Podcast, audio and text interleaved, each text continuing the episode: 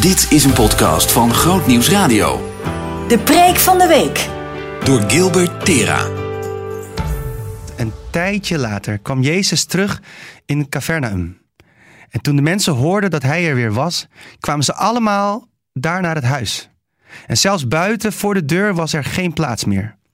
Jezus vertelde de mensen over God. En toen kwamen er nog vier mensen aan. Ze droegen een man die niet kon lopen. Maar door de drukte konden ze hem niet bij Jezus brengen. En daarom maakten ze een gat in het dak, precies boven Jezus. Ze lieten hun zieke vriend op zijn draagbed naar beneden zakken. En Jezus zag dat die mensen in hem geloofden. En daarom zei hij tegen die man die niet kon lopen: Ik vergeef je alles wat je verkeerd gedaan hebt.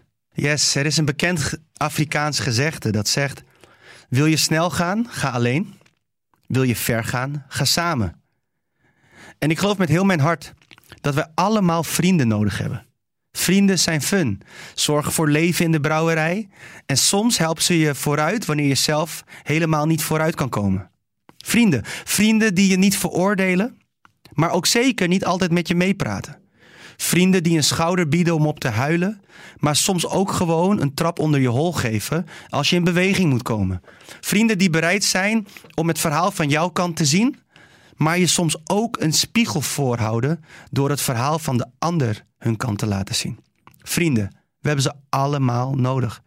En vandaag wil ik dus echt gaan kijken naar het belang en simpelweg de kracht van vriendschap.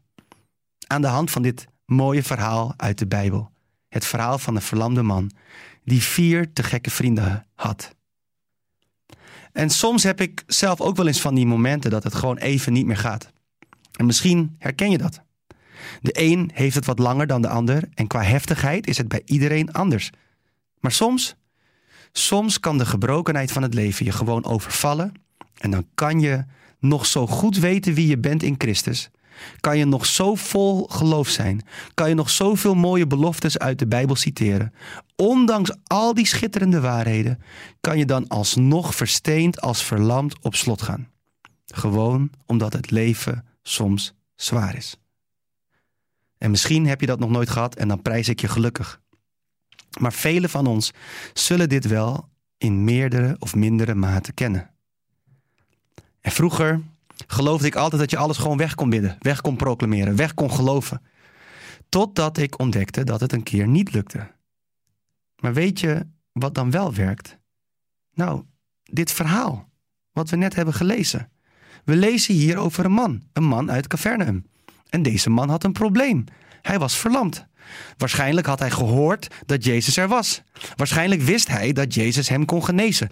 Waarschijnlijk geloofde hij ook dat Jezus hem dat wonder wilde geven. Maar hij kon niet bij Jezus komen. Waarom? Hij was verlamd. En ik zei het net al, soms overkomt het leven je gewoon en dan kan je net als deze man zomaar verlamd raken. Misschien niet in letterlijke fysieke zin, maar wel geestelijk. En op zo'n moment kan je uit jezelf gewoon niet meer naar Jezus. Het is niet dat je niet wilt, het is niet dat je niet gelooft, maar het lukt gewoon niet meer. Je bent op zo'n manier als het ware helemaal uitgebeden. De woorden zijn op en de tranen zijn droog. Op zo'n moment heb je er niets aan als iemand tegen je zegt dat je moet bidden. Net zoals die verlamde man er niets aan zou hebben gehad als mensen tegen hem zouden zeggen dat hij naar Jezus moest gaan. En toch doen we dat heel vaak wel. Als we zien dat mensen in de put zitten, zeggen: Ja, ga bidden. Heb geloof. Ga naar Jezus. Maar als die vrienden dat tegen die verlamde man hadden gezegd, had hij ze aangekeken. Had hij gezegd: Ja, luister, ik wil wel, maar ik kan niet. Ik ben verlamd. En deze man was misschien verlamd. Maar gelukkig was deze man ook heel rijk en heel erg gezegend. Want hij had vier vrienden. Vier iets wat gekke vrienden. Vrienden die zich niet zo snel laten afremmen. Beetje dat type vrienden. Vrienden zijn zo belangrijk. Want de mens is een relationeel wezen. We zijn gemaakt voor relaties, voor verbinding, voor vriendschap. En weet je wat ik zo mooi van vriendschap vind? Vrienden kunnen je verder helpen wanneer je zelf niet meer verder kan. Mijn favoriete quote uit uh, die trilogie van Lord of the Rings komt uit deel 3. En dan heb ik het over de films dan, hè. Maar The Return of the King. Sam en Frodo beklimmen de berg en Frodo kan niet meer. De ring die weggegooid moet worden, wordt een te zware last. En dan zegt Sam echt de legendarische woorden. Come on, Mr. Frodo. I can't carry it for you, but I can carry you. We kunnen misschien niet elkaars lasten dragen, maar we kunnen elkaar zeker dragen. En ik geloof dat de vier vrienden van deze verlamde man ook dat hebben gedacht. We kunnen jouw last niet dragen, maar jou, jou kunnen we wel dragen. En wij gaan jou niet gewoon dragen, maar we brengen je naar de persoon die jouw last wel kan dragen. Hoe mooi is dat toch? Wij kunnen de last van een ander niet dragen, maar wij kunnen de ander wel dragen en brengen naar de persoon die hun last wel kan en sterker nog, al heeft gedragen. En ik noemde ze eerder al gekke vrienden. En weet je waarom? Deze vier gekke vrienden brachten hun vriend naar Jezus. De man kon zelf niet gaan, hij was verlamd. En alhoewel, alhoewel de mensen van de kerk van toen de weg naar Jezus erg lastig maken, gaven deze vrienden niet op. Ze klommen op het dak, sloopten het dak en lieten hun vriend zakken. Soms moet je out of the box durven te denken. Het is niet altijd even makkelijk. En wanneer je dit zo leest, dan is het al best wel een ding, hè? Gewoon een dak slopen. Maar weet je, ik kwam ergens achter. Ik las ergens in een van de commentaren dat men gelooft dat Jezus op dat moment in het huis van Petrus was. Je weet wel, Haantje de voorste Petrus. Petrus die klaar stond om klappen uit te delen en zelfs een keer een oor chopte van iemands hoofd. Die Petrus. Ik kan mij zo goed voorstellen dat die vrienden, vrienden wisten dat dit het huis van Petrus was en dat de reputatie van Petrus voor hem uitging. Maar dat remde die vrienden niet. Want zij hadden één missie. Hun vriend, hun verlamde vriend bij Jezus brengen. Hoe ver willen wij gaan om iemand bij Jezus te brengen? Hoe ver gaan wij als het gaat om iemand die door het leven misschien verlamd is geraakt? Iemand die door stress, verdriet of teleurstelling niet meer verder kan. Of iemand die door bitterheid aan de grond is genageld. Iemand waar pijn wortel heeft kunnen schieten. Iemand waar alle vreugde uit het leven is geslagen. Hoe ver willen wij gaan? En soms moet je buiten de gebaande wegen durven te denken. Want net als toen kunnen vandaag de dag de mensen van de kerk ook onbedoeld in de weg staan. Soms kunnen wij ook de ander zijn of haar zicht op Jezus belemmeren. Wij bidden wel eens samen voor doorbraak, maar wist je dat wij soms de barrière zijn die doorbroken moet worden? Daarom moeten vrienden soms net dat stapje extra zetten. Niet toegeven wanneer het niet lukt bij poging 1, 2 of 3.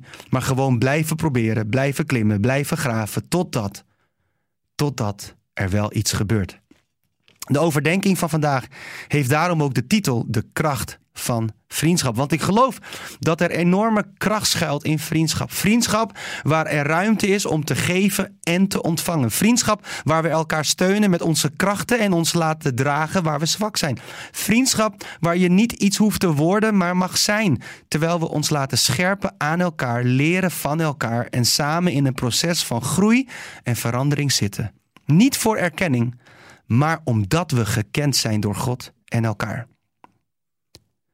Maar terwijl ik dit zo zeg, wil ik wel een eerlijke vraag bij je neerleggen.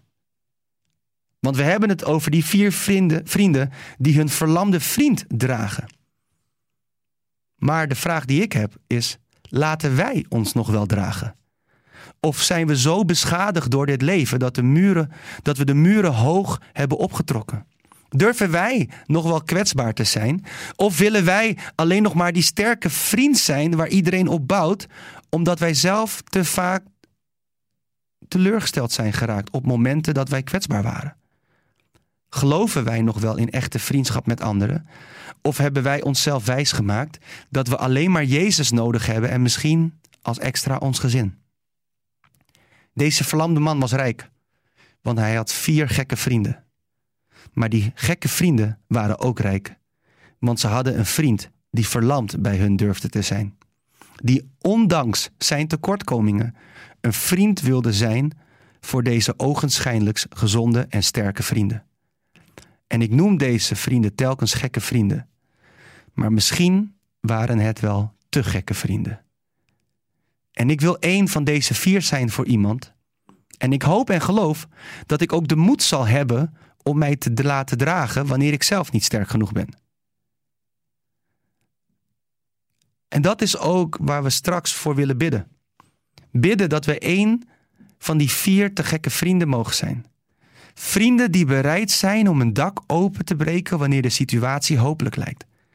Simpelweg om onze vriend, onze vriendin aan de voeten van Jezus te brengen, ongeacht diens situatie. Maar tegelijk, tegelijkertijd wil ik straks ook bidden dat wij ons veilig genoeg zullen voelen om die verlamde te zijn wanneer het even niet gaat. Dat we de maskers af durven te doen. Als die man had gezegd dat hij zelf naar Jezus kon gaan, of misschien zelfs erop stond dat niemand hem zou brengen, niemand hem zou helpen, dan was hij nergens gegaan. Zo blijven te veel mensen in hetzelfde cirkeltje ronddolen, omdat ze geen hulp willen accepteren wanneer het wordt aangeboden. Laten we straks bidden voor gezonde vriendschappen. Dat we kunnen geven, maar ook zeker kunnen ontvangen. Dat we de seizoenen van groei en droogte zullen herkennen.